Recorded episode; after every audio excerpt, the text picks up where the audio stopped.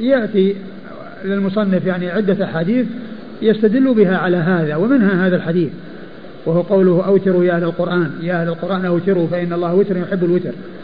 ووجه الإيراد المصنف هذا الحديث تحت هذه الترجمة من جهة أنه خصص أهل القرآن في قوله يا أهل القرآن أوتروا فإن الله وتر يحب الوتر. فكونه يخاطب أهل القرآن بأن يقول لهم أوتروا فإن الله وتر يحب الوتر قالوا هذا يدل على أنه ليس بفرض. لأنه ليس لو كان فرضا لكان لازما للجميع. والأدلة الواضحة على استحبابه آه، ستأتي. ومنها الأحاديث التي فيها أن أن النبي صلى الله عليه وسلم قال خمس صلوات فرضهن الله. وكذلك حديث معاذ لما بعثه إلى اليمن. قال آه، أخبرهم الله فرض عليهم خمس صلوات في كل يوم وليلة وكان هذا متأخرا. فهذا يدل على أن المفترض هو الخمس صلوات وما زاد عليها فهو نفل. وكذلك الحديث الذي فيه حديث طلحة الذي جاء رجل وقال يا رسول الله سأله قال خمس صلوات فرض في كل يوم وليلة قال ليس هل علي غيرها؟ قال لا إلا أن تطوع. هل علي غيرها؟ قال لا إلا أن تطوع. هذا يدل على أن الوتر هو خارج هو داخل تحت التطوع.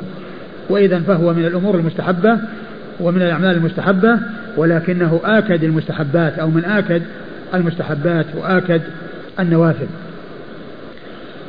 والوتر هو مستحب في حق الجميع. يعني في آه، آه، أهل القرآن وغير أهل القرآن. كلهم مستحب في حقهم الوتر. هو الإنسان يوتر ويصلي الوتر. يعني يدل على يعني هذا في حق الجميع. ولكن لماذا خص أهل القرآن؟ لأن أهل القرآن يصلون الليل ويقرؤون القرآن في صلواتهم. فالنبي صلى الله عليه وسلم أرشد أرشدهم إلى أن يوتروا. وأن صلاتهم في الليل يختمونها بوتر وأنهم يوترون. فتخصيصه لأهل القرآن بهذا لأنهم هم الذين آه، يشتغلون في صلاة الليل ويقرؤون القرآن في صلاة الليل. يقرؤون القرآن في صلاة الليل وتحصل منهم صلاة الليل وقراءة القرآن فيها. فمن ذلك قال يا أهل القرآن أوتروا فإن الله وتر يحب الوتر. لكن لا يعني هذا أن غير أهل القرآن لا يوترون فإن الوتر مستحب في حق كل أحد. وهو من النوافل المؤكدة والنوافل المستحبة. لكن لما كان أهل القرآن يشتغلون بصلاة الليل وأنهم يقرؤون القرآن فيها أرشدهم النبي صلى الله عليه وسلم إلى أن يوتروا. ثم قال فإن الله وتر. يحب الوتر. فإن الله وتر ومعنى كونه وتر يعني فرد يعني واحد. يعني لا ليس ليس معه أحد. هو واحد في ذاته واحد في أسمائه وصفاته واحد في ألوهيته واحد في ربوبيته فهو وتر وهو أحد. والله تعالى يحب الوتر. ولهذا جاءت السنة وجاءت الشريعة في الإيثار في أمور كثيرة. كل إنسان يأتي بها وترا ولا يأتي بها شفعا بمعنى أنه يأتي بها يعني آه ليست مشفوعة وإنما هو عدد فردي. قد جاء ذلك في مواضع كثيرة وفي أحاديث كثيرة فيها التنبيه على الاتيان بالشيء وترا سواء كان يعني فيما آه، في فيما يتعلق بال آه، يعني أكل التمرات أكل التمرات وترا يعني قبل يعني الذهاب لعيد الفطر. وكذلك الاستنجاء والإنسان يأتي يعني آه، يختم بوتر ولا يأتي به مشفوعا يأتي في أشياء كثيرة يعني ذكر الوتر. وكذلك الطواف يعني وتر. وكذلك ال ال ال الغسل يعني يكون وترا ويكون شفعا لكنه يعني لا يزاد على ثلاث اللي هو الوضوء. يعني يكون واحد أو اثنتين وثلاث يعني يختم بوتر ولا يتجاوز الوتر لا يتجاوز هذا العدد بمعنى أنه لا يغسل رابعة وإنما هذا نهاية غسل الأعضاء. فالوتر جاء ذكره في أمور كثيرة وفي آه، يعني أمور عديدة. ولهذا قال عليه الصلاة والسلام فإن الله وتر يحب الوتر. ومن أسماء الله عز وجل الوتر. وهذا الحديث يدل على أن الوتر من أسماء الله عز وجل. وأنه يحب مقتضى هذا الاسم يعني وهو الوتر. وفيه يعني إثبات المحبة لله عز وجل. وهي على وجه يليق بكماله وجلاله كسائر الصفات. لأن الصفات كلها طريقتها واحدة. تثبت على وجه يليق بجلاله وكماله دون أن يكون فيها تشبيه ودون أن يكون فيها تعطيل بل إثبات مع التنزيه. والإثبات ينافي التعطيل والتنزيه ينافي التمثيل والتشبيه. على حد قول الله عز وجل ليس كمثله شيء وهو السميع البصير. فأثبت السمع والبصر ونفى المشابهة. فالصفات كلها على هذا النحو وعلى هذه الطريقة. يا أهل القرآن أوتروا فإن الله وتر يحب الوتر. ثم ذكر حديث ابن مسعود وهو بمعناه وقال أعرابي ما تقول؟ قال قال ليست لك وأصحابك. يعني ليست لك وأمثالك من الأعراب لأن هذا خطاب لأهل القرآن الذين يقرؤون القرآن في الليل ويعني أمروا بالإيثار لكن الوتر كما هو معلوم وصلاة الوتر هي مطلوبة في حق كل أحد. ولكن قوله ليست لك ولأصحابك يعني آه، يقصد به أو يراد به لا يراد به أن الأعراب وأن غير أهل القرآن لا يحصل منهم الوتر بل الوتر مطلوب في حق كل أحد. ولهذا الرسول صلى الله عليه وسلم ولهذا أبو هريرة قال أوصاني خليلي صلى الله عليه وسلم بثلاث ركعتي الضحى وصيام ثلاثة أيام من كل شهر وأن أوتر قبل أن أنام. وكذلك أبو الدرداء في حديث صحيح مسلم يقول أوصاني حبيبي صلى الله عليه وسلم بثلاث ركعتي الضحى وصيام ثلاثة أيام من كل شهر وأن أوتر قبل أن أرقد فالوتر ليس خاصا بأحد دون أحد مثل ركعتي الفجر وركعات آه، الظهر والمغرب والعشاء هذه رواتب ونوافل. يعني مستحبة ومطلوبة وهي مطلوبة في حق كل أحد. ولكن قوله ليست لك ولأصحابك يعني المقصود ذلك كونهم يعني آه، ليس من أهل القرآن الذين يعنون أو يشتغلون بصلاة الليل في قراءة القرآن. وأما كل إنسان يصلي له ركعة أقل شيء ركعة يصليها بعد بعد أن يؤدي سنة سنة العشاء ركعتين وهي أقل الوتر. فإن هذا مطلوب من, من كل أحد سواء بركعة أو بثلاث أو بخمس أو بسبع أو بتسع أو بإحدى عشر أو بثلاثة عشر كل ذلك يعني السائغ وقد جاء عن النبي صلى الله عليه وسلم أنه ما كان يصلي أقل من سبع وما كان يصلي أكثر من ثلاثة عشرة وأكثر ما كان يفعل إحدى عشرة ركعة صلى الله عليه وسلم نعم قال حدثنا إبراهيم بن موسى. إبراهيم بن موسى هو الرازي وهو ثقة أخرج له أصحاب كتب الستة. عن عيسى. عن عيسى بن يونس بن أبي إسحاق وهو ثقة أخرج له أصحاب كتب الستة. عن زكريا. عن زكريا بن أبي زائدة وهو ثقة أخرجه أصحاب كتب الستة. عن ع... عن أبي إسحاق. عن أبي إسحاق وهو عمرو بن عبد الله الهمداني السبيعي وهو ثقة أخرج له أصحاب كتب الستة. عن عاصم. عن عاصم بن مضمرة وهو صدوق أخرج له أصحاب السنن. أخرج له أصحاب السنن. عن علي. عن أمير المؤمنين علي بن أبي طالب رضي الله تعالى عنه وأرضاه وهو أمير المؤمنين ورابع الخلفاء الراشدين الهادين المهديين أبو السبطين صاحب المناقب الجمة والفضائل الكثيرة رضي الله عنه وأرضاه وحديثه عند أصحاب الكتب الستة. والإسناد الثاني. قال حدثنا عثمان بن أبي شيبة. عثمان بن أبي شيبة الكوفي وهو ثقة أخرج له أصحاب الكتب الستة إلا الترمذي. عن أبي حفص الأبار. عن أبي حفص الأبار واسمه عبد الرحمن بن عمر. عمر بن عبد الرحمن. عمر بن عبد الرحمن واسمه عبد الرحمن عمر بن عبد الرحمن وهو صدوق. أخرج له. البخاري في خلق أفعال العباد وأبو داود والنسائي بن ماجه. وهو صدوق أخرجه البخاري في خلق أفعال العباد خلق أفعال العباد وخلق أفعال العباد وأبو داود والنسائي بن ماجه. عن الأعمش. عن الأعمش وهو سليمان بن مهران الكاهلي الكوفي وهو ثقة أخرج له أصحاب كتب الستة. عن عمرو بن مرة. عن عمرو بن مرة وهو ثقة أخرج له أصحاب كتب الستة. عن أبي عبيدة.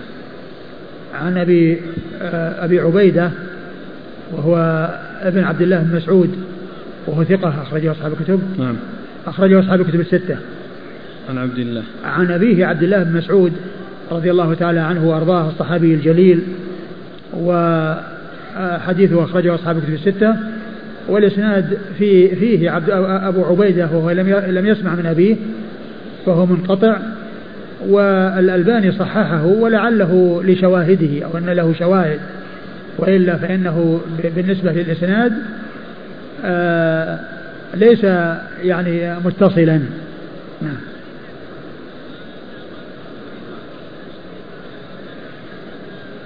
الذي يبدو أن في الكلام الذي الذي الذي مر يا أهل القرآن أوتروا فإن الله وتر يحب الوتر.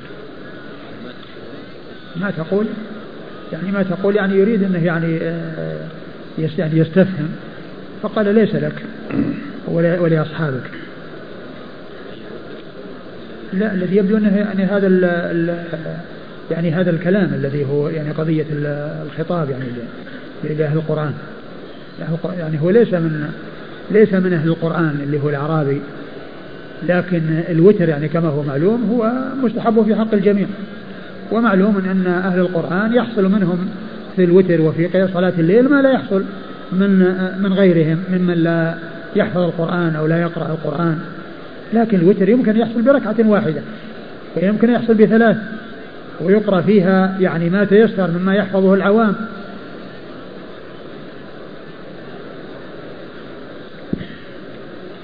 قال حدثنا أبو الوليد الطيالسي وقتيبة بن سعيد المعنى قال حدثنا الليث عن يزيد بن أبي حبيب عن عبد الله بن راشد الزوفي. عن عبد الله بن أبي مرة الزوفي عن خارجة بن حذافة رضي الله عنه أنه عن خارجة بن حذافة رضي الله عنه قال أبو الوليد العدوي. قال خرج رسول الله صلى الله عليه وآله وسلم فقال إن الله عز وجل أمدكم بصلاة وهي خير لكم من حمر النعم وهي الوتر فجعلها لكم فيما بين العشاء إلى طلوع الفجر.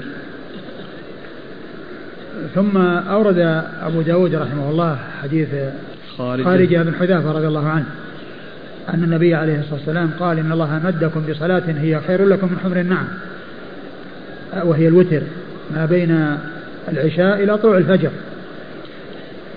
ووجه إيراد الحديث تحت ترجمة استحباب الوتر قوله أمدكم لأنه ما قال فرض عليكم أو أوجب عليكم.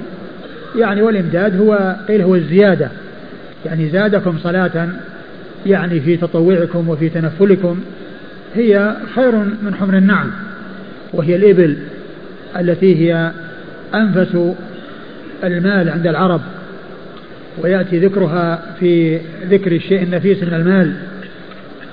وقد جاء في حديث قصة خيبر ووصية النبي النبي صلى الله عليه وسلم لعلي لما أعطاه الراية يوم خيبر فقال فوالله لأن يهدي الله بك رجلا واحدا خير لك من حمر النعم. فكان يعني تذكر حمر النعم لأنها أنفس الأموال عندهم لأنها نفيسة وهي أنفس الأموال. عند العرب. فقال فقوله أمدكم قال هذا هذا هو وجه إيراد المصنف للحديث تحت هذه الترجمة. لأنها يعني تدل على أنه ليس بفرض وإنما هو أمدهم الله به وأعطاهم إياه وزادهم إياه. وفيه آه، آه، فضل عظيم وأنه خير لهم من أنفس أموالهم التي هي حمر النعم. ثم بين بذلك بقوله وهي الوتر. ثم قال وهي ما بين العشاء وطلوع الفجر. يعني الوتر هو من بعد صلاة العشاء إلى طلوع الفجر. بعد أن يؤتى بصلاة العشاء فمن من من من أدائها إلى صلاة إلى الفجر هذا كل وقت الوتر. حتى لو جمعت العشاء مع المغرب جمع تقديم فإن الوتر يأتي بعد صلاة العشاء. يأتي بعد صلاة العشاء ولو كانت مقدمة ومجموعة مع المغرب في أول وقت المغرب لأنها بعد العشاء. وصلاة الليل تبدأ بعد العشاء. وال والحديث في إسناده عبد الله بن راشد الزوفي. نعم. الزوفي ويعني هو متكلم فيه. وكذلك أيضا السماع. يعني سماع يعني سماعه من من شيخه. وكذلك شيخه من من من, من خارجه بن حذافة. لكن هذا الشخص هو علة الحديث. لكن آخره هو قوله يعني ما بين العشاء إلى طلوع الفجر يعني جاء ما يدل عليه وأن هذا هو وقت الوتر. وهو وقت الوتر هو بين العشاء إلى طلوع الفجر. وقد جاء في الحديث صلاة الليل مثنى مثنى وصلاة الليل تبدأ بعد العشاء مثنى مثنى حتى فإذا خشي أحدكم الصبح أتى بركعة وتر ما مضى. فهذا يبين أن وقت صلاة الوتر هو هذا الوقت من بعد العشاء إلى طلوع الفجر. من بعد العشاء إلى طلوع الفجر. والنبي صلى الله عليه وسلم من كل ليل أوتر. من كل الليل أوتر أوتر من أوله ووسطه وآخره. وانتهى وتره إلى استحر صلى الله عليه وسلم. فيعني يعني هذه الجملة وهي كون وقته يعني هذا جاء ما يدل عليها. وأما ذكر هذه الفضيلة يعني ففيها يعني هذا الضعف يعني في ذلك من ذلك الشخص الذي في إسناد الحديث. والإسناد قال حدثنا أبو الوليد الطيالسي. أبو الوليد الطيالسي هو هشام بن عبد الملك الطيالسي وهو ثقة أخرج له أصحاب كتب الستة. وقتيبة بن سعيد. وقتيبة بن سعيد بن جميل بن طريف البغلاني وهو بغلان قرية من قرى بلخ من بلاد خراسان وهو ثقة أخرج له أصحاب كتب الستة. قال المعنى. وقوله المعنى يعني أن رواية آه، آه، أبو الوليد الطيالسي وقتيبة بن سعيد متفقة في المعنى. يعني ليست الألفاظ واحدة وإنما المعنى واحد مع اختلاف الألفاظ. وهذه عبارة يستعملها أبو داود كثيرا. يعني بعدما يذكر الأسانيد أو كونه يعني جاء من طريقين أو أكثر يشير إلى أن الروايات متفقة في المعنى. يعني معناه وإن اختلفت في الألفاظ. نعم. عن الليث. عن الليث بن سعد المصري وهو ثقة فقيه. أخرج له أصحاب كتب الستة. عن يزيد بن أبي حبيب. عن يزيد بن أبي حبيب المصري وهو ثقة أيضا أخرج له أصحاب كتب الستة. عن عبد الله بن راشد الزوفي. عن عبد الله بن راشد الزوفي وهو مستور أخرج له أبو داود والترمذي وابن ماجه. أبو داود والترمذي وابن ماجه. عن عبد الله بن أبي مرة الزوفي. عن عبد الله بن أبي مرة الزوفي وهو صدوق. نعم. أخرج له أبو داود والترمذي وابن أبو داود والترمذي وابن ماجه. عن, عن خارجة بن حذافة رضي الله عنه صاحب رسول الله صلى الله عليه وسلم وحديثه أخرجه أبو داود والترمذي وابن ماجه. وهؤلاء الثلاثة الذين هم عبد الله بن راشد و عبد الله بن أبي مرة. وعبد الله بن أبي مرة. عبد الله بن أبي مرة. عبد الله بن أبي مرة وخارجة بن حذافة. هؤلاء الثلاثة ليس لهم في الكتب الثلاثة التي هي سنن أبي داود والترمذي وابن ماجه إلا هذا الحديث الواحد. يعني هؤلاء الثلاثة لا يأتي ذكرهم إلا في هذا الموضع. لأنه لا يتكرر ذكرهم. لأنهم ليس لهم رواية في الكتب الأخرى وإنما روايتهم عند أبي داود والترمذي وابن ماجه وليس عند هؤلاء الثلاثة الأئمة في كتبهم لهم إلا هذا الحديث الواحد. فإذا لا يتكرر ذكر هؤلاء الثلاثة في هذه الكتب إلا في هذا الموضع. نعم. قال أبو الوليد العدوي. قال أبو الوليد العدوي يعني الذي هو خارجة بن حذافة؟ نعم. خارجة بن حذافة العدوي يعني أبو الوليد هو شيخه الأول لأن شيخين أبو الوليد وقتيبة. فقتيبة وقف عند قوله خارجة بن حذافة ما أضاف إليها شيئا. وأما أبو الوليد في روايته أضاف إلى خارجة بن حذافة العدوي نسبه. فقال خارجة بن حذافة العدوي. معناه أن شيخه الأول عندما جاء ذكر خارجة قال خارجة بن حذافة العدوي. وأما قتيبة قال خارجة بن حذافة ولم يزد على ذلك شيئا. خارجة بن حذافة ولهذا قال قال أبو الوليد العدوي. يعني هذا يبين الفرق بين رواية الولي أبي الوليد وبين رواية قتيبة وأن أبا الوليد أتى بهذه الإضافة وهي النسب وقتيبة لم يذكر هذه الإضافة.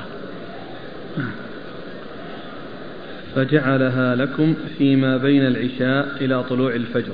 فجعلها يعني هذه الزيادة وهذا الإمداد يعني الذي هو الوتر ما بين العشاء إلى طلوع الفجر. ولهذا قال عليه الصلاة والسلام فإذا خشي أحدكم الصبح أتى بركعة توتر ما مضى. وقت العشاء أو صلاة العشاء. يعني لو جمع جمع لا بعد صلاة العشاء. يعني لأن لأنه يؤتى بها بعد صلاة العشاء. فإذا جمع جمع تقديم فإنه يأتي بالوتر بعد ذلك. يصلي يعني ال يصلي ال الراتبة يعني إذا كان الجمع يعني ليس في السفر ويأتي بعد ذلك في الوتر. إلى طلوع الفجر. نعم إلى طلوع الفجر. يعني هذا هو هذا هو وقته. لكنه يمكن أن يقضى يعني بعد طلوع الشمس وارتفاعها كما جاء في الحديث عن النبي صلى الله عليه وسلم أنه إذا كان لم يصلي صلاته أو ورده من الليل فإنه يصلي من من الضحى أو من النهار اثنتي عشرة ركعة. لأنه كان يصلي من الليل 11 فيصلي اثنتي عشر حتى لا يكون وترا في النهار. ولكن مقدار الصلاة أتى به وزيادة ركعة حتى لا يكون قد أوتر بالنهار. فيقضى الوتر شفعا لمن فاته وذلك ضحى. فإذا كان يصلي وحده يصلي ثنتين في الضحى. وإذا كان يصلي ثلاث يصلي أربعة. إذا كان يصلي خمس يصلي ست. إذا كان يصلي سبع يصلي ثمان. إذا يصلي تسع يصلي عشر. يصلي أحد عشر يصلي اثنى عشر. كما كان عليه الصلاة والسلام يفعل فإنه كان يصلي أحد عشر ولكنه يصلي من الضحى قضاء اثنتي عشر ركعة بين أذان الفجر والإقامة ما يجوز لا لا ما يؤتى ما يؤتى بال بين أذان الفجر والإقامة إلا ركعتي الفجر. قال رحمه الله تعالى باب في من لم يوتر. قال حدثنا ابن قال حدثنا ابن المثنى قال حدثنا أبو إسحاق الطالقاني قال حدثنا الفضل بن موسى عن عبيد الله بن عبد الله العتكي عن عبد الله بن بريدة عن أبيه رضي الله عنه أنه قال سمعت رسول الله صلى الله عليه وعلى آله وسلم يقول الوتر حق فمن لم يوتر فليس منا. الوتر حق فمن لم يوتر فليس منا. الوتر حق فمن لم يوتر فليس منا. ثم أورد بعد ذلك أبو داود هذه ترجمة في من لم يوتر باب في من لم يوتر يعني ما حكمه أو ماذا عليه. فأورد أبو داود حديث بريدة بن الحصيب رضي الله عنه أن النبي صلى الله عليه وسلم قال من الوتر حق فمن لم يوتر فليس منا. الوتر حق فمن لم يوتر فليس منا.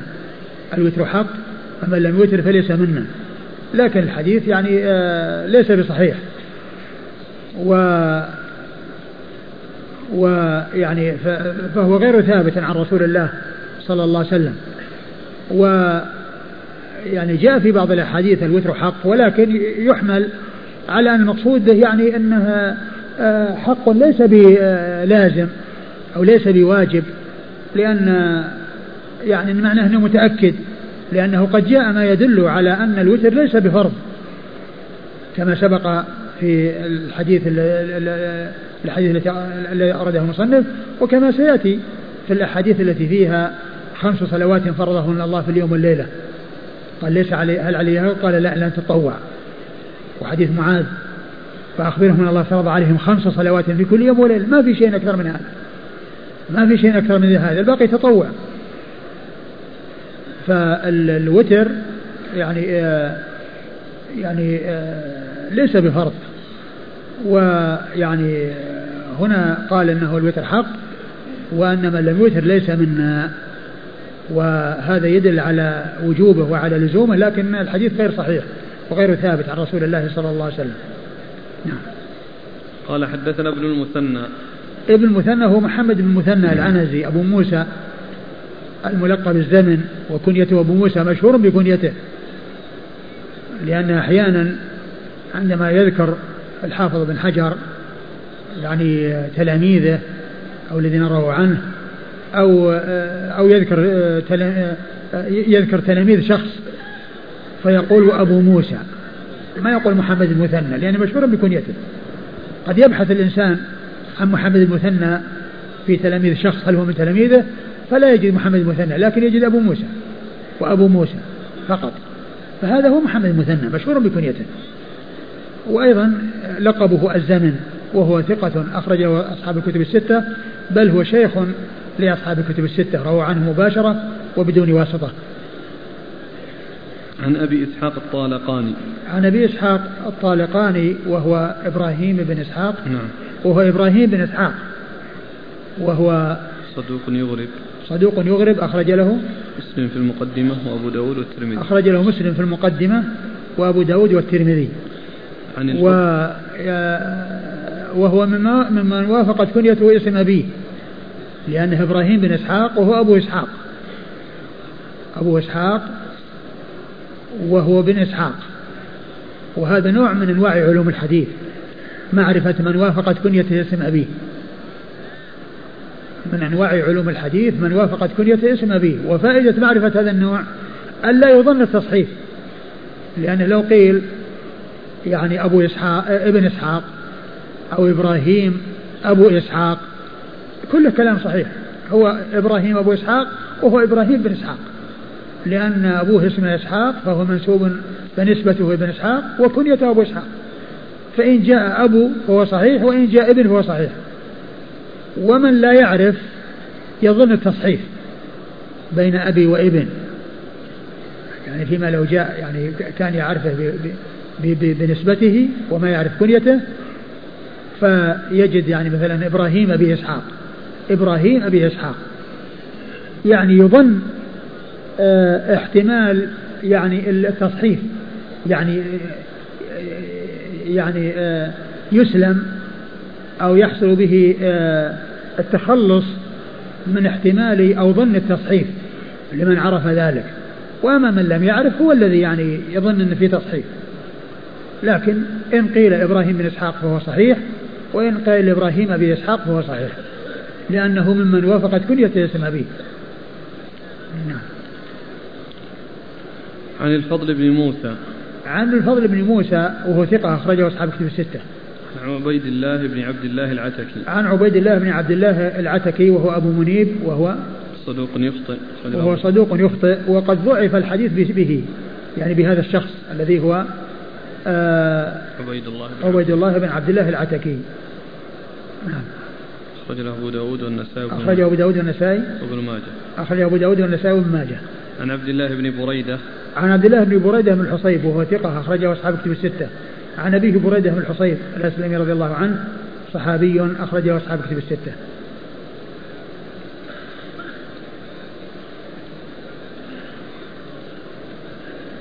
قال حدثنا القعنبي عن مالك عن يحيى بن سعيد عن محمد بن يحيى بن حبان عن ابن محيريز أن رجلا من بني كنانة يدعى المخدجي سمع رجلا بالشام يدعى أبا محمد يقول إن الوتر واجب. قال المخدجي فرحت إلى عبادة بن الصامت رضي الله عنه فأخبرته. فقال عبادة كذب أبو محمد. سمعت رسول الله صلى الله عليه وعلى آله وسلم يقول خمس صلوات كتبهن الله على العباد فمن جاء بهن لم يضيع منهن شيئا استخفافا بحقهن كان له عند الله عهد أن يدخله الجنة ومن لم يأت بهن فليس له عند الله عهد إن شاء عذبه وإن شاء أدخله الجنة. ثم أورد أبو داود حديث عبادة, عبادة بن الصامت رضي الله تعالى عنه أن أنه قيل له أن يعني أبا محمد وهو رجل في الشام قال إن الوتر واجب فقال كذب أبو محمد. ومعنى كذب هنا أخطأ لأن يأتي في بعض الأحاديث كذب بمعنى أخطأ. وليس معنى ذلك أنه الكذب الذي هو ضد الصدق وإنما هو خطأ ضد الصواب. والمقصود من ذلك أنه حصل منه شيء على خلاف الصواب. لا سيما والذي قال هو قاله باجتهاد يعني قال الوتر واجب. ومعلوم أن أن أن يعني الكذب الذي هو ضد الصدق لا يقال في يعني في حق هذا لأن وإنما يقال في الخبر. وإنما هذا قاله باجتهاده فقال كذب أبو محمد يعني أنه أخطأ يعني آه، خلاف الصواب ضد الصواب. وجاء في أحاديث يعني ذكر كذب بمعنى أخطأ في, أحاديث عديدة وهذا منها. سمعت رسول الله صلى الله عليه وسلم يقول خمس صلوات. نعم. أيوة. خمس صلوات كتبهن الله على العباد. خمس صلوات كتبهن الله على العباد. والوتر ليس من الخمس صلوات. إذن هو زائد على المفروض. زائد على المفروض أيوة. فمن. جاء بهن لم يضيع منهن شيئا استخفافا بحقهن كان له عند الله عهد أن يدخله الجنة. فمن جاء بهن لم يضيع منهن شيئا استخفافا بحقهن وكلمة استخفافا يعني متعلقة بالتضييع. يعني ضيعها استخفافا. وأما إذا حصل يعني من شيء يعني خطأ يعني وليس استخفافا يعني فهو يخالف ذلك وإنما هنا قيده بالاستخفاف يعني تضييع يعني معناه استهانة واستخفاف. كان كان حقا؟ نعم. كان له عند الله عهد أن يدخله الجنة. كان له عند الله عهد أن يدخله الجنة. أيوة. نعم. ومن لم يأت بهن فليس له عند الله عهد إن شاء عذبه وإن شاء أدخله الجنة. ومن لم يأت بهن لم يكن له عند الله عهد إن شاء عذبه وإن شاء أدخله الجنة. وهذا يستدل به الذين يقولون بأن ترك الصلاة ليس بكفر. إذا تركها يعني تهاونا وكسلا ليس بكفر لكن يمكن أن يحمل على أن المقصود لم يأتي بهن يعني على التمام والكمال أو على كما أمر أو كما هو مطلوب. لا أنه يعني آه، تارك لهن أصلا ولا يسجد لله ولا يركع لله وإنما هو تارك الصلاة نهائيا. يعني ليس ليس هذا من هذا القبيل لأنه جاء حديث تدل على على كفر تارك الصلاة تدل على كفره وهذا يمكن أن يحمل على أن المقصود به آه، أنه يعني لم يأتي بها كما هو مطلوب أو كما هو يعني آه، مطلوب منه وإنما عنده تقصير أو عنده فهو يعني هذا التقصير وهذا النقص الذي منه أمره إلى الله عز وجل. نعم. والمقصود منه أنها خمس صلوات الوتر ليس منها وإنما هي الصلوات الخمس إذا هو شيء ليس بفرض وليس بواجب. قال حدثنا القعنبي.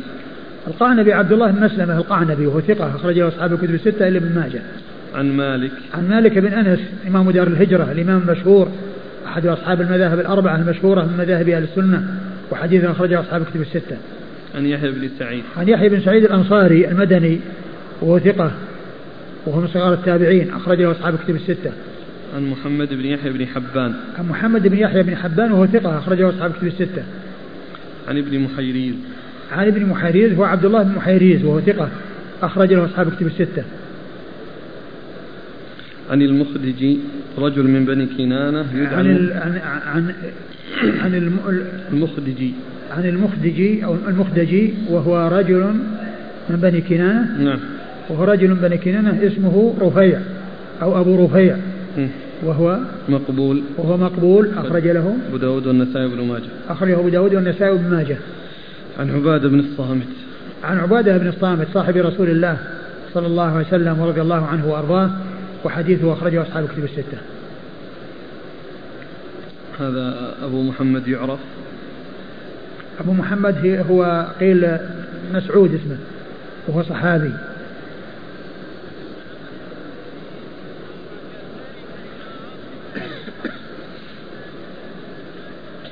قال رحمه الله تعالى باب كم الوتر؟ قال حدثنا محمد بن كثير قال أخبرنا همام عن قتادة عن عبد الله بن شقيق عن ابن عمر رضي الله عنهما أن رجلا من أهل البادية سأل النبي صلى الله عليه وسلم عن صلاة الليل فقال بإصبعيه هكذا مثنى مثنى والوتر ركعة من آخر الليل. أبو داود رحمه الله الترجمة كم الوتر؟ يعني كم مقداره؟ ومعلوم أن مقداره ركعة واحدة أقله ركعة. لو أن إنسانا صلى العشاء وأتى بركعتي العشاء ثنتين يعني يأتي بركعة واحدة هذا هو أقل الوتر. ولكن يعني كونه يزيد ويأتي بأكثر هو الذي ينبغي ولكن أقله ركعة.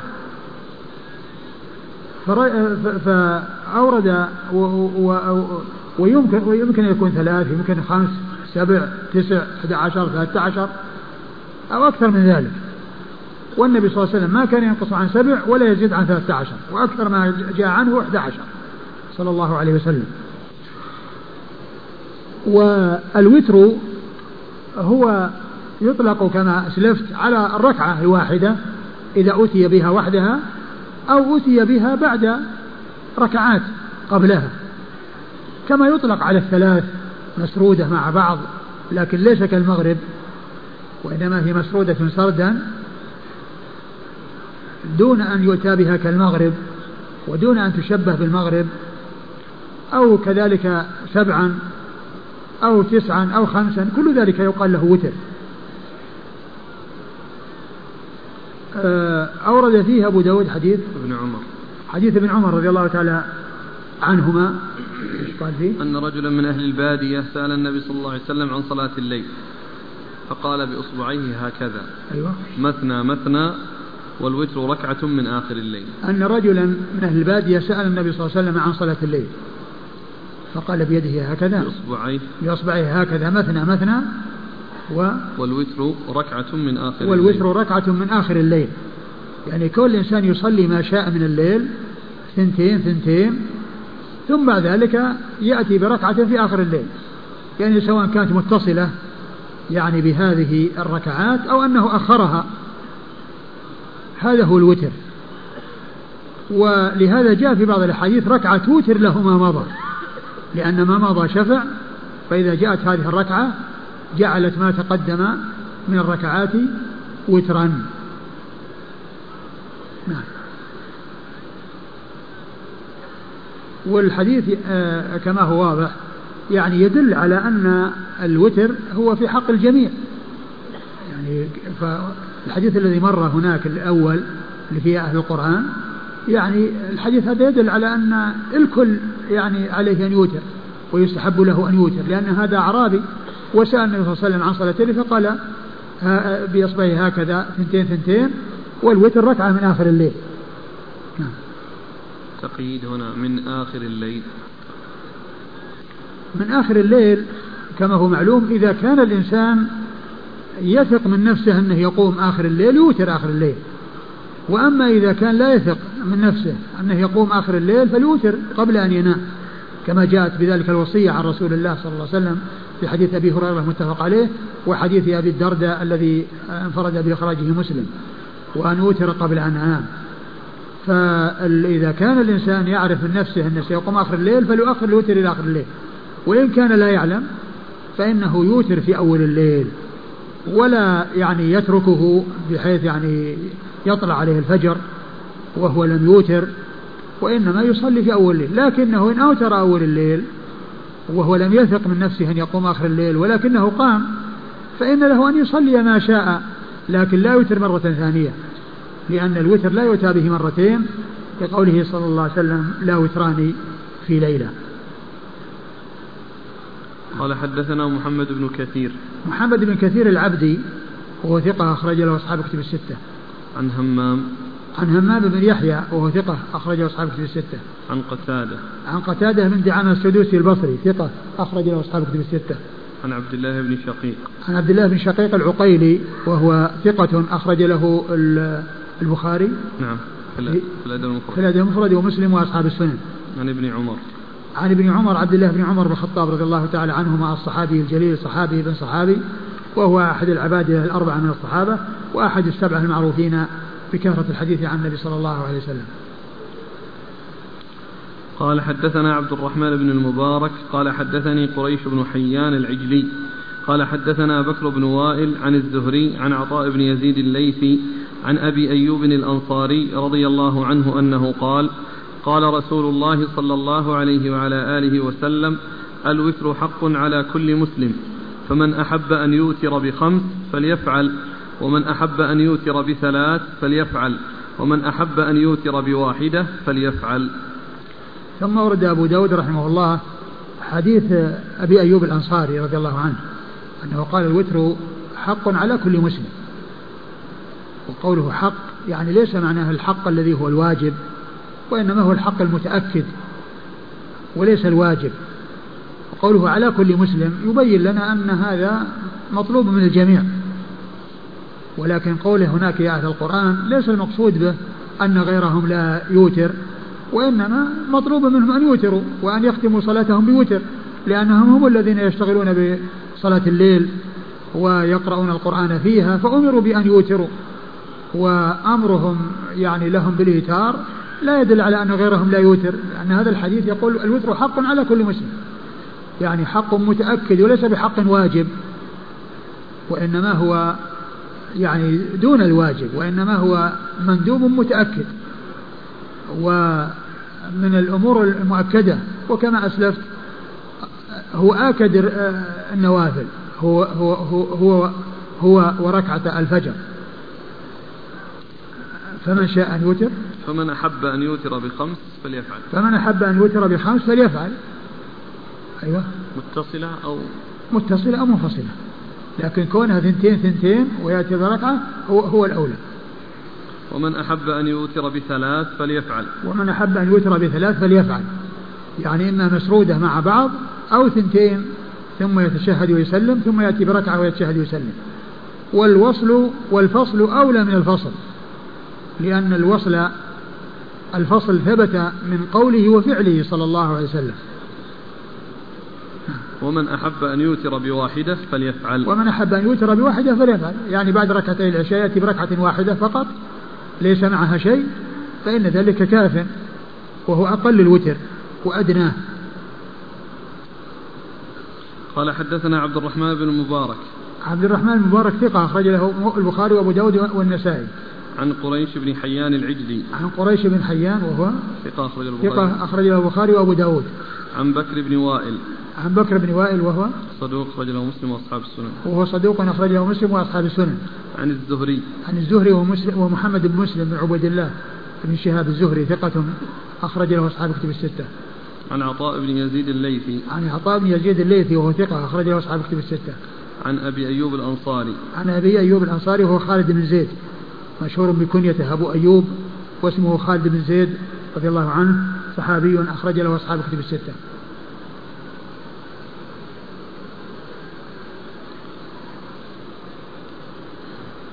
أحسن الله إليك. في رمضان ونحن نصلي التراويح عندما الإمام يبدأ بالوتر ينفصل أقوام ولا يصلون معنا وحجتهم يقولون أن في مذهبنا أنه لابد نصلي ثلاث متصلة وإمامكم يصلي ركعتين ثم واحدة فهل وارد في المذاهب؟ وهل يحق لهم أن ينفصلوا عن الإمام؟ ليس أقول ليس لهم أن لا يحق لهم أن ينفصلوا عن الإمام بل الإنسان يصلي مع الإمام حتى ينتهي.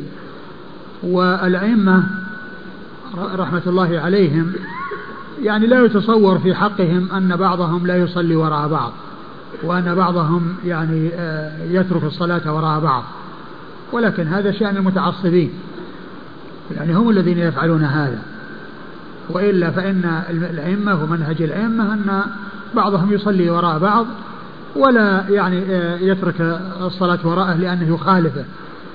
يعني في آه، في الطريقة. ثم أيضا هذه الصلاة التي يعني يصلونها وهي كالمغرب جاء في الحديث ما يدل على النهي عنها والتشبيه في صلاة المغرب. يعني جاء ما يدل على النهي عنه. فالانفصال هذا يعني غير سائر وهو من التفرق المذموم الذي لا يصلح. والنبي صلى الله عليه وسلم قال من قام مع الإمام حتى ينصرف كتب الله له قيام ليلة. وكونه يستمر معه حتى ينصرف ويصلي معه يعني تلك الصلاة لا شك أن هذا هو اللائق وهذا هو اللائق, اللائق بالمسلم الناصح لنفسه. قال رحمه الله تعالى باب ما يقرأ في الوتر. قال حدثنا عثمان بن أبي شيبة قال حدثنا أبو حفص الأبار قال حاء وحدثنا إبراهيم بن موسى قال أخبرنا محمد بن أنس وهذا لفظه عن الأعمش عن طلحة وزبيد عن سعيد بن عبد الرحمن بن أبزة عن أبيه عن أبي بن كعب رضي الله عنهما أنه قال كان رسول الله صلى الله عليه وآله وسلم يوتر بسبح اسم ربك الأعلى وقل للذين كفروا. والله الواحد الصمد. الحديث من هو صحابي أبي بن كعب. ثم أورد أبو داود رحمه الله ما يقرأ في الوتر. ما يقرأ في الوتر يعني بعد الفاتحة. لأن الفاتحة لا بد منها في كل ركعة وإن المقصود ما يكون بعد الفاتحة. وأورد فيه حديث أبي بن كعب رضي الله عنه وهو أن قال إيش؟ كان رسول الله صلى الله عليه وسلم يوتر بسبح اسم ربك الأعلى. كان صلى الله عليه وسلم يوتر بسبح اسم ربك الأعلى. وقل للذين كفروا يعني قل يا أيها الكافرون. يعني المقصود بها قل يا أيها الكافرون. قد جاء في بعض عند النساء يعني قل يا أيها الكافرون. والمقصود بها قل يا أيها الكافرون. نعم. والله الواحد الصمد. والله الواحد الصمد يعني قل هو الله أحد الله الصمد قل هو الله أحد الله الصمد يعني هذه الثلاث السور يؤتى بها في هذه الركعات الثلاث التي هي يعني آخر صلاة الليل والتي ويأتي بها مسرودة لا يجلس يعني بعد الثانية أو يأتي بها بتشهدين ثنتين ثم يتشهد ويسلم ثم واحدة ثم يتشهد ويسلم وهذا هو الأولى كون يؤتى بها ثنتين ويتشهد ويسلم ثم واحدة ويتشهد ويسلم هذا هو الأولى. وهو الذي جاء عن النبي صلى الله عليه وسلم كثيرا في الروايات. وجاء أيضا من قوله صلاة الليل مثنى مثنى فإذا خشي أحدكم الصبح بركعة توتر ما مضى. إيش إيش لفظه يقول؟ كان رسول الله صلى الله عليه وسلم يوتر بسبح اسم ربك الأعلى وقل للذين كفروا. يعني الركعات الأخيرة من صلاة الليل يعني يأتي بهذه الثلاث الركعات ويقرأ بهذه الثلاث السور. سبح اسم ربك الأعلى وقل يا أيها الكافرون وقل هو الله أحد. في الأولى سبح اسم ربك الأعلى وفي الثانية قل يا أيها الكافرون وفي الثالثة قل هو الله أحد.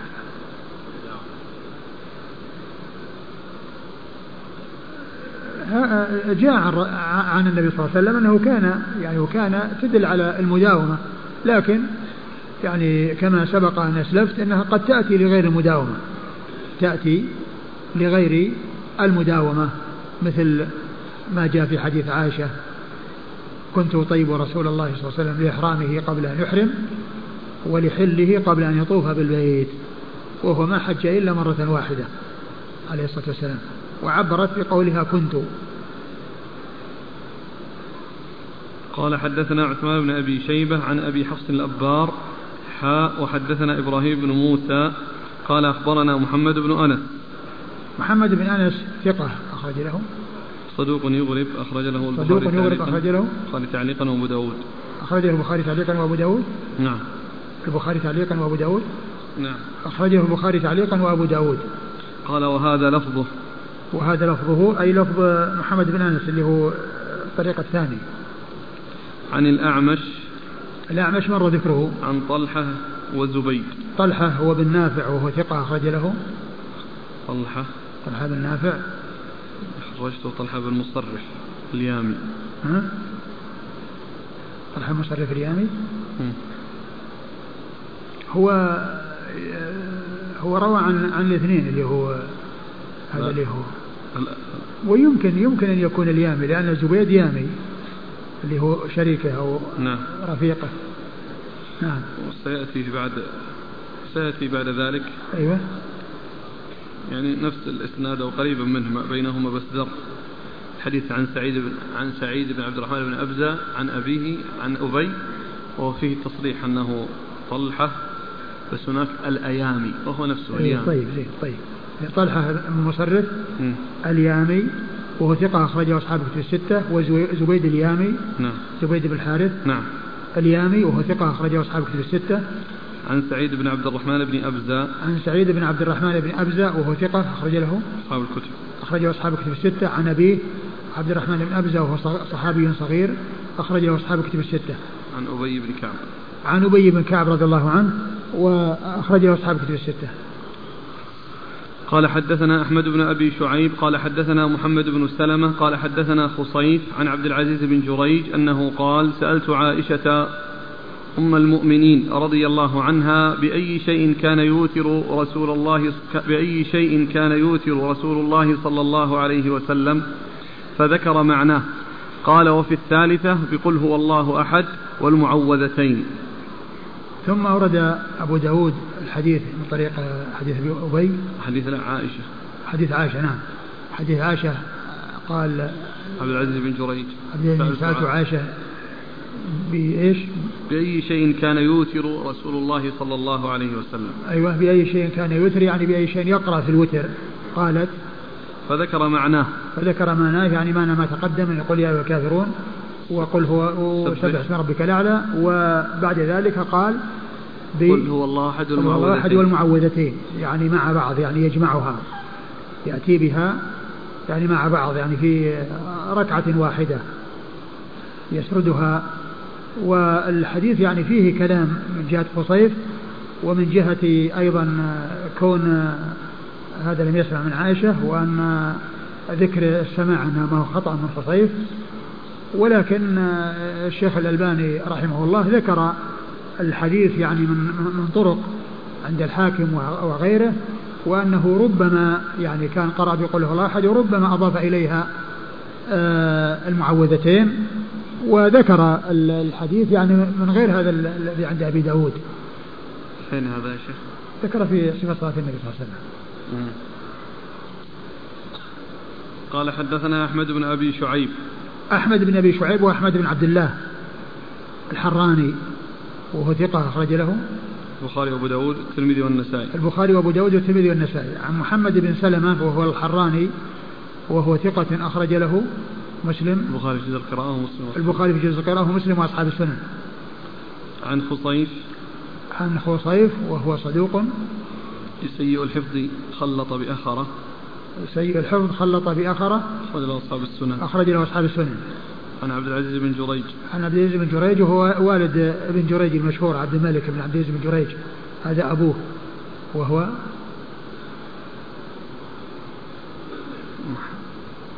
وهو إيش؟ عبد العزيز بن جريج؟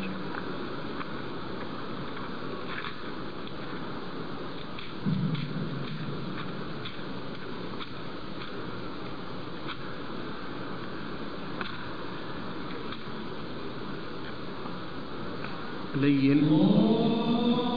لين. قال العجلي. لين قال العجلي لم يسمع من عائشة وأخطأ خصيف فصرح بسماعه. اللي هو هذا. إيه؟ يعني قال سألت عائشة. خرج له. أصحاب السنن. خرج له أصحاب السنن. عن عائشة. عن عائشة.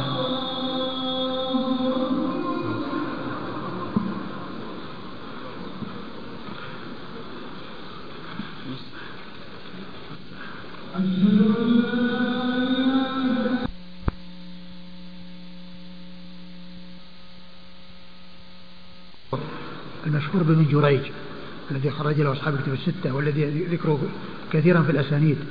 وأما هذا فهو أبوه وهو لين وقال أخطأ خصيف في قال العجلي لم يسمع من عائشة. قال العجل لم يسمع من عائشة. وأخطأ وأخطأ خصيف خصيف فصرح بسماعه. فصرح بسماعه يعني في هذا الحديث حيث قال سألته عائشة. يعني معناه أنه سمعها لأنه سألها ولكن هذا خطأ. والحديث آه، يعني كما قلت الألباني ذكر أنه خرجه جماعة ومنهم الحاكم ولم يذكر رواية أبي داود هذه لكنها موافقة. يعني لتلك الروايات التي أشار إليها يعني فهي لا تخالفها فهي وإن كان فيها ضعف إلا أنها ب يعني بإضافتها إلى غيرها يعني تدل على على صحة ذلك وأنه يؤتى بقل هو الله أحد وحدها ويؤتى بها ومعها المعوذتان. عن عائشة رضي الله عنها عن عائشة أم المؤمنين رضي الله عنها الصديقة بنت الصديق وهي من حفظة السنة وأوعيتها وهي واحدة من سبعة أشخاص عرفوا بكثرة الحديث عن النبي صلى الله عليه وسلم. انتهى الباب. نعم.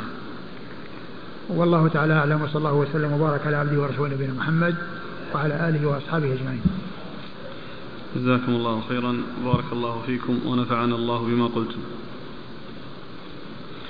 فضيلة الشيخ حفظك الله ما حكم أخذ السجادة أو الثوب الذي تركه صاحبه في المسجد الحرام المكي إما نسيانا أو قصدا؟ والله أعلم.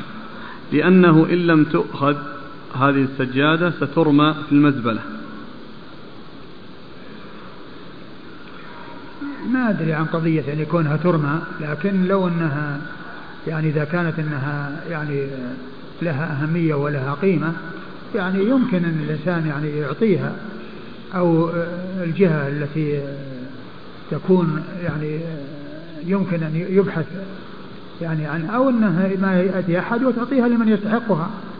وأما كل إنسان يجد شيء ويأخذه يمكن أن صاحبه يجي لما فيمكن الإنسان يتسرع ويأخذ شيء يظن أنه يعني صاحبه يعني تركه وصاحبه لم يتركه. لكن إذا كان مضى عليه وقت ولا رآه يعني آه، هذا فيمكن أن يعطيه لمن آه، يكون مسؤولا عن تلك الودائع والأشياء التي يمكن أن تبحثون عنها. وإذا ولا ينبغي له أنه يأخذ لا ينبغي له أنه يأخذه. الناس في دولتنا يلبسون البنطلونات. وبعض الإخوة الملتزمين يلبسون مثلها ولكنهم يوسعونها قليلا حيث تخرج عن كونها يعني ضيقة واصفة للعورة. ولكن لا تبلغ الوسع الذي يكون كما في سراويل يقول الأتراك. السؤال ما حكم استعمال مثل هذه البنطلونات؟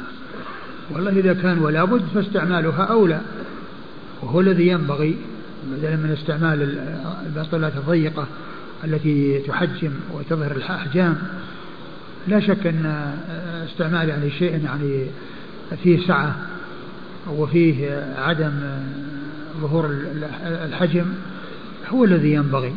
يعني حيث يعني يعني لا يكون هناك يعني سبيل أو إلى أنه يعني آه، يلبس يعني لباسا إسلامي مناسب آه، يفعل هذا الفعل ولكنه يكون واسعا يستعمل شيء واسع.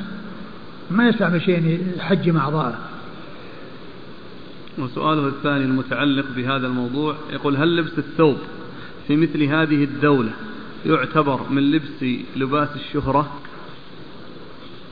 لا أبدا. ما دام أنه لباس إسلامي فكونه يظهر يعني بهذا المظهر ويبين للناس أن هذا هو مظهر الإسلام وهذا لباس الإسلام هذا شيء طيب. ما المقصود بقوله يا أهل القرآن؟ هم الذين يحفظونه فقط؟ هو الذي يبدو أنهم هم الذين طبعا يحفظونه ويقرؤونه في صلاتهم. يقرؤونه في صلاتهم لأنهم هم الذين يقرؤون القرآن في صلاتهم. وهل في صلاة الليل يعني. المقصود بصلاة الليل. نعم. وهل لمن لم يحفظ منه الكثير بل القليل هل له أن يحمل المصحف ليقرأ منه؟ مع وجود التدبر والتفكر بالآيات في قيام الليل. والله ال ال الإنسان الذي يحفظ يعني شيء كثير من القرآن ما ينبغي له يستعمل المصحف لأن يعني المصحف فيه شغل مشغلة يعني حمل وتفتيش وتنزيل ولا يتمكن الإنسان من وضع يديه على صدره الذي هي سنة في الصلاة. لكن الإنسان إذا كان مضطرا إلى ذلك يعني بأن يكون إماما ويصلي بالناس التراويح ولا يحفظ القرآن فله أن يقرأ من المصحف لأنه جاء في صحيح البخاري أن مولى لعائشة كان يؤمها ويقرأ من المصحف في رمضان. فعند الحاجة لا بأس بذلك. أما كون الإنسان آه، يستعمله في الليل وهو يقرأ وهو متمكن من قراءة يعني شيء كثير من القرآن ويقرأ به فلا ينبغي له أن يشغل نفسه بحمل المصحف وتنزيله وتفتيشه وفتحه وإغلاقه. هل يأثم من ترك الوتر؟ والله التساهل التساهل في النوافل آه، قد يؤدي إلى التساهل في الفرائض والنوافل هي كالسياج. وكالوقاية للفرائض. وأيضا إذا حصل نقص في الفرائض تكمل به كما جاء بذلك الحديث عن رسول الله صلى الله عليه وسلم. وقد جاء عن الإمام أحمد رحمه الله أنه قال عن الذي لا يصلي الوتر قال إنه رجل سوء يعني ذم له. فما ما يليق بالمسلم أن يتهاون يعني في الرواتب ولا سيما آكدها وأهمها الذي هو الوتر وركعة الفجر لأن التساهل في النوافل يؤدي إلى التساهل في الفرائض. من تساهل في النوافل قد يتساهل في الفرائض. إذا صلى المصلي الوتر في أول الليل هل له أن يصلي بعده قيام الليل؟ الإنسان الذي كما أسلفت الإنسان الذي يعرف أنه سيقوم آخر الليل لا يوتر إلا آخر الليل. والذي يعرف أنه لا يقوم آخر الليل يوتر من أول الليل. لكن إن قام فإنه يصلي ما شاء ولا يوتر مرة ثانية. ما يذكرونه من نقض الوتر؟ هل صحيح؟ هو سيأتي. نعم. يقول جاء في صحيح البخاري حديث فيه أن النبي صلى الله عليه وسلم رأى أحد الناس يعذب. فقيل له ذاك الذي ينام بالليل عن القرآن ولا يعمل به في النهار وقد آتاه الله القرآن. فإذا ضم هذا الحديث وحديث الباب ألا يدل على وجوب صلاة الليل لحامل القرآن؟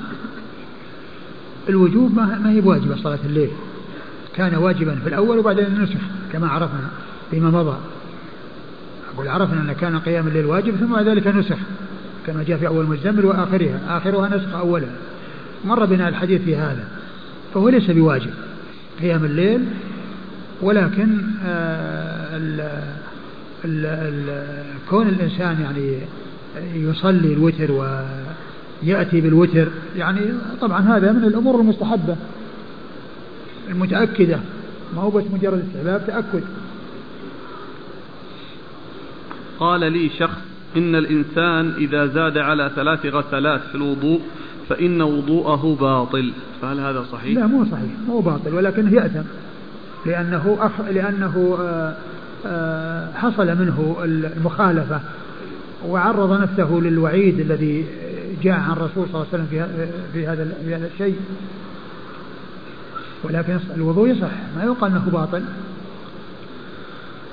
ورد عن النبي صلى الله عليه وسلم أنه نهى أن يصلى بين القبور. فهل تجوز الصلاة في ساحة بعيدة عن القبور لكن سور المقبرة محاط بها؟ سور المقبرة محاط بها؟ يحيط بالساحة ولا المقبرة؟ لا الظهر داخل لكن الساحة إذا كان إذا كان إذا كان يحيط بها سور المقبرة يحيط بها سور فسواء اللي في قبور ولا ما في قبور كلها يصلى لأنه قالها مقبرة. وكل ما كان داخل سور المقبرة يقال له مقبرة. حتى ولو كان خالي مهيأ لحفر القبور التي يحتاج إليها. لأن المقبرة كما هو معلوم فيها فضاء يحفظ يحفر به قبور فليس الإنسان يصلي في هذا الفضاء لأنه قال صلى في المقبرة. لأن النهي يعني عن يعني المقبرة لا يصلى فيها وكل ما تحيط به المقبرة هو مقبرة. ولو كان بعضه مكان خالي من القبور. بسم الله الرحمن الرحيم. الحمد لله رب العالمين. والصلاة والسلام على عبد الله ورسوله نبينا محمد وعلى آله وصحبه أجمعين. أما بعد. قال الإمام أبو داود السجستاني رحمه الله تعالى باب القنوت في الوتر. قال حدثنا قتيبة بن سعيد وأحمد بن جواس وأحمد بن جواس الحنفي. قال حدثنا أبو الأحوص عن أبي إسحاق عن بريد بن أبي مريم عن أبي الحوراء أنه قال قال الحسن بن علي رضي الله عنهما علمني رسول الله صلى الله عليه وعلى آله وسلم كلمات أقولهن في الوتر. قال ابن جواس في, في قنوت الوتر اللهم اهدني فيمن هديت وعافني فيمن عافيت وتولني فيمن توليت وبارك لي فيما أعطيت وقني شر ما قضيت. إنك تقضي ولا يقضى عليك وإنه لا يذل من واليت ولا يعز من عاديت. تباركت ربنا وتعاليت. بسم الله الرحمن الرحيم. الحمد لله رب العالمين وصلى الله وسلم وبارك على عبده ورسوله نبينا محمد وعلى آله وأصحابه أجمعين. أما بعد يقول الإمام أبو داود السجستاني رحمه الله تعالى باب القنوت في الوتر. والمراد به الدعاء في الوتر. هذا هو المراد بالقنوت. والقنوت يكون في الوتر يعني في صلاة الليل في آخرها الذي هو آخر ركعة من الركعات التي تختم بها صلاة الليل. وتكون في الصلوات ولكن كونها في الصلوات إنما يكون في النوازل إنما يكون في النوازل. وسيأتي عند أبي داود رحمه الله ما يتعلق بالقنوت في الصلوات. والكلام هنا إنما هو في القنوت في الوتر الذي هو الدعاء في الوتر. والقنوت يطلق على عدة معاني. كما هو معلوم ومنها الدعاء كما أنه يطلق على القيام وعلى السكوت وعلى معاني كثيرة. وأورد أبو داود رحمه الله حديث الحسن بن علي بن أبي طالب رضي الله تعالى عنهما الذي يقول فيه أن النبي صلى الله عليه وسلم علمني كلمات أقولهن في الوتر وفي بعض الروايات قنوت الوتر. رواية أحد شيخي أبي داود وهو ابن جواس قال في قنوت الوتر أي في دعاء الوتر. وهذه الكلمات هي اللهم اهدني فيمن هديت وعافني فيمن عافيت وتولني فيمن توليت إلى آخر الدعاء. تسع جمل كما جاء في هذا الحديث. عن رسول الله صلى الله عليه وسلم الذي علمه أي علم آه، سبطه الحسن بن علي هذا الدعاء الذي يدعو به في وتره. فهذا يدلنا على مشروعية الدعاء في القنوت أو في, في, في, في, في الوتر وأن هذا الذي علمه النبي صلى الله عليه وسلم هو أولى ما يقال وخير ما يقال لأنه تعليم الذي لا ينطق عن الهوى صلى الله عليه وسلم وهو دعاء عظيم فيه دعاء وثناء مشتمل على دعاء لله عز وجل وسؤال منه أمور عظيمة ومطالب كبيرة ومشتمل على ثناء على الله عز وجل في آخره. اللهم اهدني فيمن هديت. اللهم كما عرفنا سابقا أنها معناها يا الله. معنى اللهم يا الله. فحذفت ياء النداء وعوض عنها الميم المشددة في الآخر. عوض عن عن ياء النداء التي يؤتى بها في الأول ميم مشددة بعد لفظ الجلالة. اللهم. فهي عوض. ولهذا يقولون لا يجمع بين العوض والمعوض. لا يقال يا اللهم. لأن الميم المشددة عوض عن ياء. فلا يجمع بينها إلا في ضرورة الشعر. كما يقول ابن مالك رحمه الله في الألفية. والأكثر اللهم بالتعويض وشذ يا اللهم في قريضي. يعني في الشعر. إنما هذا يأتي في الشعر والأكثر اللهم بالتعويض يعني ليس ليس فيه ياء لأنه حصل التعويض عن ياء النداء بالميم المشددة بعد اللهم بعد الله. اللهم اهدني فيمن هديت. سؤال الهداية هو أعظم المطالب ولهذا جاء في سورة الفاتحة اشتمالها على الهداية طلب الهداية للصراط المستقيم. في كل ركعة من ركعات الصلاة يسأل الإنسان ربه الهداية للصراط المستقيم. وهو أعظم مطلوب وخير مطلوب أن يكون على الجادة وعلى الاستقامة. وطلب الهداية من الله عز وجل يشتمل على أمرين على التثبيت على ما هو حاصل التثبيت على ما هو حاصل من الهداية وعلى طلب المزيد من الهداية على طلب المزيد من الهداية. فهو يشمل طلب التثبيت ويشمل طلب المزيد على الهداية. والذين اهتدوا زادهم هدى زادهم هدى وآتاهم تقواهم. فهو يسأل الله التثبيت على ما قد حصل من الهداية ويسأله المزيد من الهداية. المزيد من الهداية. اللهم اهدني فيمن هديت. يعني في جملة جملة الذين هديتهم. يعني اهدني واجعلني من المهديين في جملة من هديتهم. كما ذكر الله عن نبيه سليمان عليه الصلاة والسلام حيث قال وأدخلني برحمتك في عبادك الصالحين. في عبادك يعني في جملة عبادك الصالحين. هنا قال اللهم اهدني فيمن هديت وعافني فيمن عافيت. طلب المعافاة وهي الوقاية من كل سوء ومن كل شر. في جملة من عافيته وحصل له منك المعافاة. وتولني في من توليت. يعني في من كنت ولية وموفقة ومسددة وتولني في من توليت. وبارك لي فيما أعطيت. اللهم اهدني فيمن هديت وعافني فيمن عافيت وتولني فيمن توليت وبارك لي فيما أعطيت. يعني أنزل البركة واجعل البركة فيما أعطيتني إياه من كل خير. ومن كل شيء سار.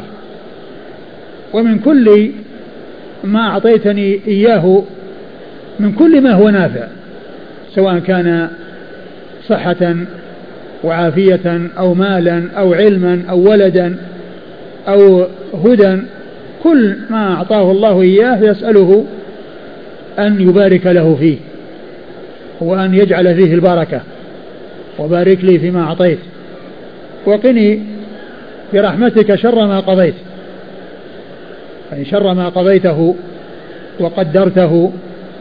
يسأله أن يقيه من الشرور ومن الأخطار ومن الأضرار التي تنزل. وكل ذلك إنما هو بقضاء الله وقدره. السبب والمسبب كله بقضاء الله وقدره. ولهذا جاء في الحديث ولا يرد القدر إلا الدعاء ولا يزيده في العمر إلا البر. ومع معنى قوله لا يرد القدر إلا الدعاء ليس معنى ذلك أن الذي كتب في اللوح المحفوظ يغير ويبدل لأن كل ما كتب في اللوح المحفوظ فإنه لا بد من وقوعه. ما شاء الله كان وما لم يشاء لم يكن. ما أصاب من مصيبة في الأرض ولا في أنفسكم إلا في كتاب من قبل أن نبرأها. قل لن يصيبنا إلا ما كتب الله لنا. إن كل شيء خلقناه بقدر.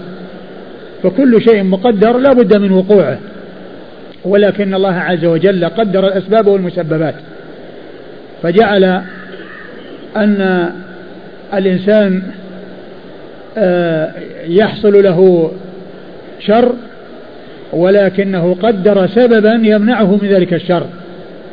فقدر السبب وقدر المسبب. قدر السبب وقدر المسبب. فليس معنى ذلك أن الإنسان كتب عليه مصائب ثم ترفع ولكن الله قدر أن يكون مصائب ولكنها ترفع بالدعاء. فالسبب مقدر والمسبب مقدر. وكذلك صلة الرحم تزيد في البر يزيد في, في العمر. ليس معنى ذلك أن الإنسان له عمر محدد وأنه يغير الأجل الذي كتبه الله فيكون الإنسان غير أجله بسبب أنه وصل رحمه. بل الله عز وجل قدر أنه يكون طول يطول عمره وقدر أن يكون ذلك بسبب فعل يحصل وهو البر. يعني قدر السبب والمسبب. قدر السبب والمسبب. فالسبب مقدر والمسبب مقدر وليس معنى ذلك أن الإنسان الله تعالى قدر له شيء في اللوح المحفوظ عمر ولكنه غير. بل الله قدر أن عمره يكون طويلا وقدر أن سبب ذلك أنه يكون واصلا لرحمه وأن يكون ذا بر ولا يزيد في العمر إلا البر. هذا هو المقصود يعني من الحديث. ولا يرد القدر إلا الدعاء. يعني أن الله تعالى جعل آه، قدر السبب والمسبب. وجعل المسبب يسلم منه ويتخلص منه بحصول السبب الذي قدره الله وقضاه والذي شاءه الله وأراده. أي أن كل من السبب والمسبب قد شاءه الله وأراده ما شاء الله كان وما لم يشأ لم يكن. وقني برحمة شر, شر ما قضيت. فإنك تقضي ولا يقضى عليك. الله تعالى يقضي كونا وقدرا ويقضي شرعا ودينا ولا راد لقضائه وقدره. ولا راد لحكمه وتشريعه سبحانه وتعالى. فإنك تقضي ولا يقضى عليك وإنه لا يذل من واليت. وإنه لا يذل من واليت.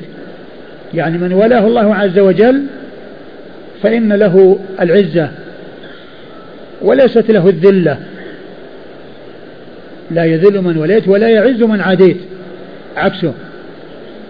يعني من كان عدوا لله فإنه لا يعز وليس له العزة الحقيقية.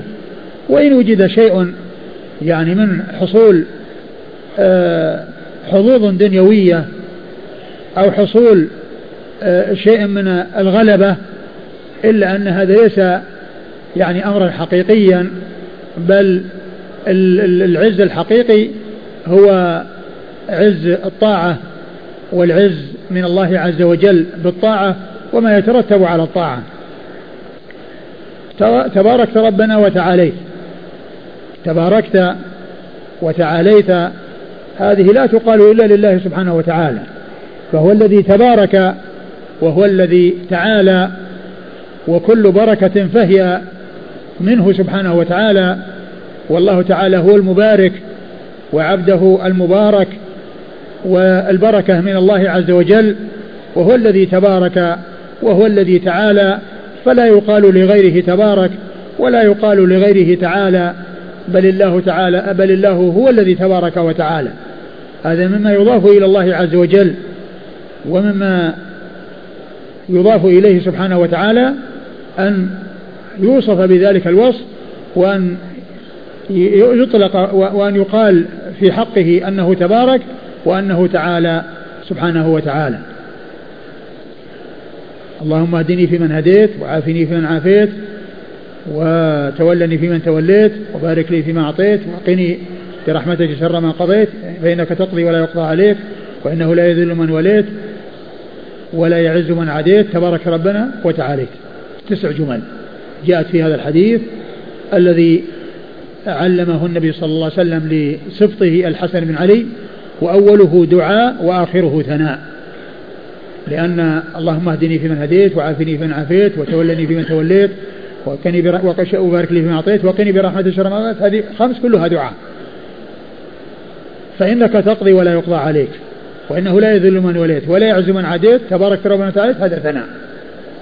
خمس جمل دعاء وأربع جمل في الآخر هي ثناء على الله سبحانه وتعالى. نعم. في هذه الجمل الأربع الأخيرة ما يقول المأموم؟ يثني على الله عز وجل. في الأول يقول آمين وفي ما سواها يقول سبحانك. قال حدثنا قتيبة بن سعيد. قتيبة بن سعيد بن جميل بن طريف البغلاني ثقة أخرج له أصحاب كتب الستة. وأحمد بن جواس وأحمد بن جواس الحنفي ثقة أخرج له البخاري وأبو داود. مسلم وأبو داود. البخاري ومسلم وأبو داود. لا. نعم. مسلم, مسلم وأبو داود. مسلم وأبو داود. عن أبي الأحوص. عن أبي الأحوص وهو سلام بن سليم الحنفي. وهو ثقة. أخرج له أصحاب الكتب الستة. عن أبي إسحاق. عن أبي إسحاق وهو السبيعي عمرو بن عبد الله الهمداني السبيعي ثقة أخرجه أصحاب الكتب الستة. عن بريد بن أبي مريم. عن بريد بن أبي مريم وهو ثقة. أخرج له مسلم وأصحاب السنن. البخاري في الأدب المفرد وأصحاب السنن. أخرجه البخاري في الأدب المفرد وأصحاب السنن. عن أبي الحوراء. عن أبي الحو... عن أبي الحوراء وهو ربيعة بن شيبان. وهو ربيعة بن شيبان وهو ثقة. أخرج أصحاب السنن. وهو ثقة أخرجه أصحاب السنن. عن الحسن بن علي. عن الحسن بن علي بن أبي طالب رضي الله تعالى عنهما سبط رسول الله صلى الله عليه وسلم وحديثه أخرجه البخاري تعليقا وأصحاب السنن الأربعة. جاءت أسئلة في الزيادة على هذا الدعاء. هل تجوز؟ لا بأس. لا بأس بأن يزاد على هذا الدعاء. بأن كون الإنسان يدعو يعني بالزيادة على ذلك لا بأس. وقد جاء في بعض الأحاديث يعني الذي سيأتي حديث الحديث الذي بعد هذا يعني سيأتي والذي سبق أن مر فيما مضى.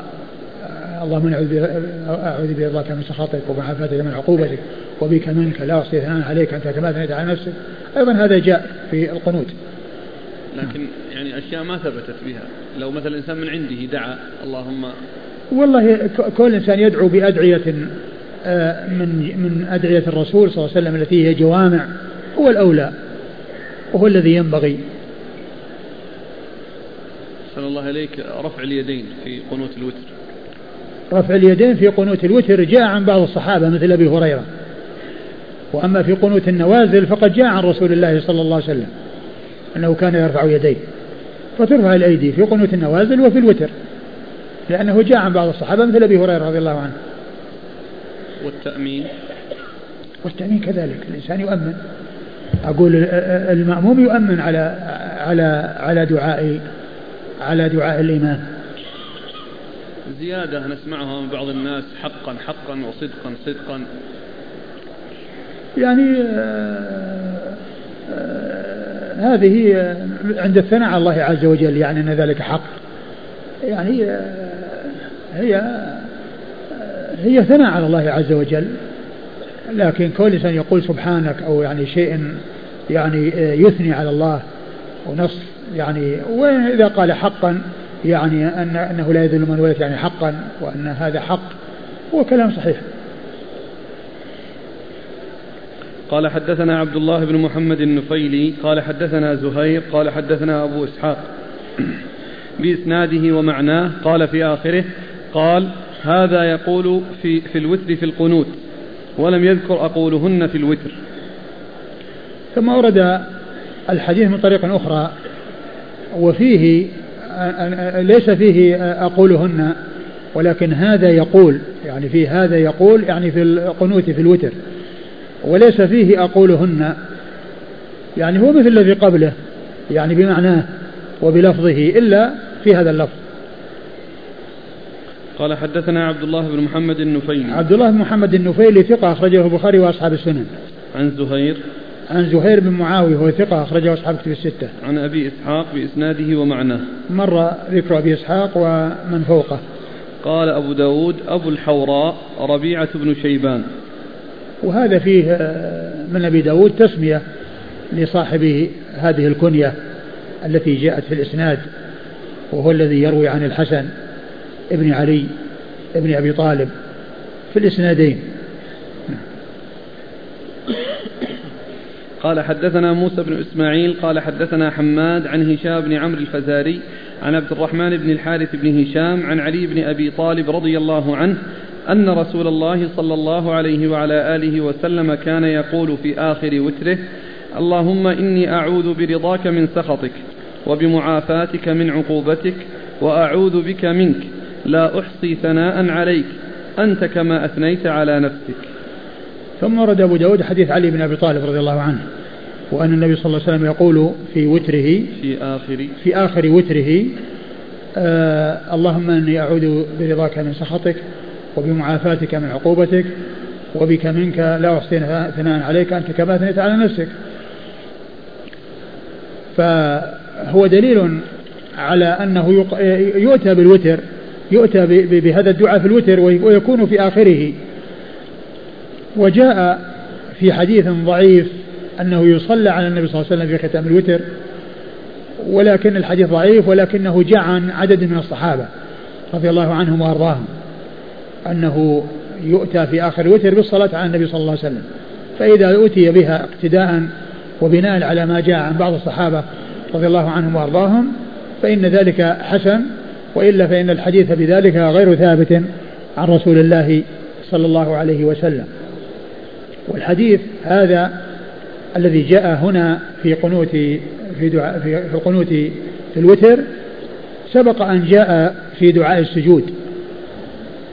وسبق أن مر وذكرت أن ابن القيم رحمه الله عقد له بابا من أبواب شفاء العليل كتاب الشفاء العليل.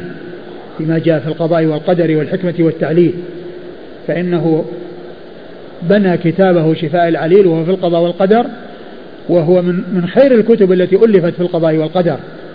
واشتمل على ثلاثين بابا وكان من جملة الأبواب الثلاثين باب يخص هذا الحديث وشرحه. شرحه شرحا نفيسا يعني جميلا يعني يعني في في ذلك الباب الذي عقده خاصا بشرح هذا الحديث وسبق أن مر آه، ما يتعلق به وذكرت عناية ابن القيم رحمة الله عليه في شرحه وأن شرحه له شرح نفيس. نعم.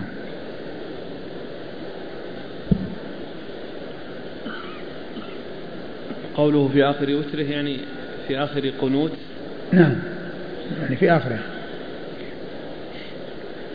قال حدثنا موسى بن إسماعيل. موسى بن إسماعيل التبوذكي البصري ثقة أخرج له أصحاب الكتب الستة. عن حماد. عن حماد هو بن سلمة لأنه إذا جاء موسى بن إسماعيل يروي عن حماد وحماد غير منسوب فالمراد به بن سلمة. سبق أن عرفنا هذا مرارا وتكرارا وأن وأنه يأتي ذكر حماد غير منسوب وأحيانا يراد بحماد بن زيد وأحيانا يراد بحماد بن سلمة ويعرف ذلك بالتلاميذ حيث يروي موسى بن إسماعيل عن حماد غير منسوب فالمراد بحماد بن, بن سلمة. وهو ثقة أخرج له البخاري تعليقا ومسلم وأصحاب السنن. عن هشام بن عمرو الفزاري. عن هشام بن عمرو الفزاري وهو مقبول أخرجه أصحاب السنن. وهو مقبول أخرج له أصحاب السنن.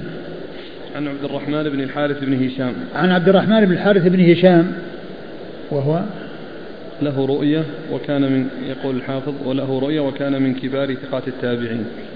له رؤية وقيل هو من كبار ثقات التابعين. وحديثه أخرجه البخاري وأصحاب السنن. أخرج له البخاري وأصحاب السنن. عن علي بن أبي طالب. عن علي بن أبي طالب رضي الله عنه أمير المؤمنين ورابع الخلفاء الراشدين الهادين المهديين صاحب المناقب الجمة والفضائل الكثيرة والحديث يعني فيه هذا الرجل المقبول الذي قيل إنه لم يروي عنه إلا حماد بن سلمة والحديث صححه الألباني في صحيح السنن. قال أبو داود هشام أقدم شيخ لحماد. وبلغني عن يحيى بن معين أنه قال لم يروي عنه غير حماد بن سلمة. نعم. قال أبو داود روى عيسى بن يونس عن سعيد بن أبي عروبة عن قتادة عن سعيد بن عبد الرحمن بن أبزة عن أبيه عن أبي بن كعب رضي الله عنهما أن رسول الله صلى الله عليه وعلى آله وسلم قنت يعني في الوتر قبل الركوع. أبي بن كعب أبوه صحابي؟ لا لكن ترضيت لأن عبد الرحمن بن أبزة أبزة نعم, نعم. عبد الرحمن بن أبزة نعم صحابي صحيح.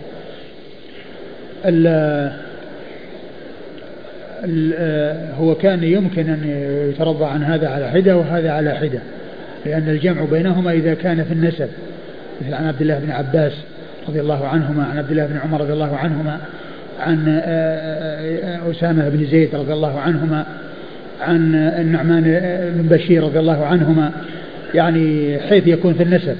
وأما إذا كان لكن إذا كان يعني يمكن أن يكون هناك يعني مجموعة من الصحابة يعني يأتي ذكرهم فيؤتى به في الآخر يعني مثل ما ذكرت يعني يقال رضي الله عنهما رضي الله عنهم. آه أيوة نعم. إيش الأول هشام أقدم شيخ لحماد. معلقات في أبي داود يقول قال أبو داود هشام أقدم نعم هذا يتعلق بالحديث السابق. نعم. هذا يتعلق بالحديث السابق. وأن هشام أقدم شيخ لحماد وقال يحيى بن معين لم يروي عن يحيى عنه غير يحيى عن غير حماد يعني عن هشام هذا الذي هو بن عمرو الفزاري.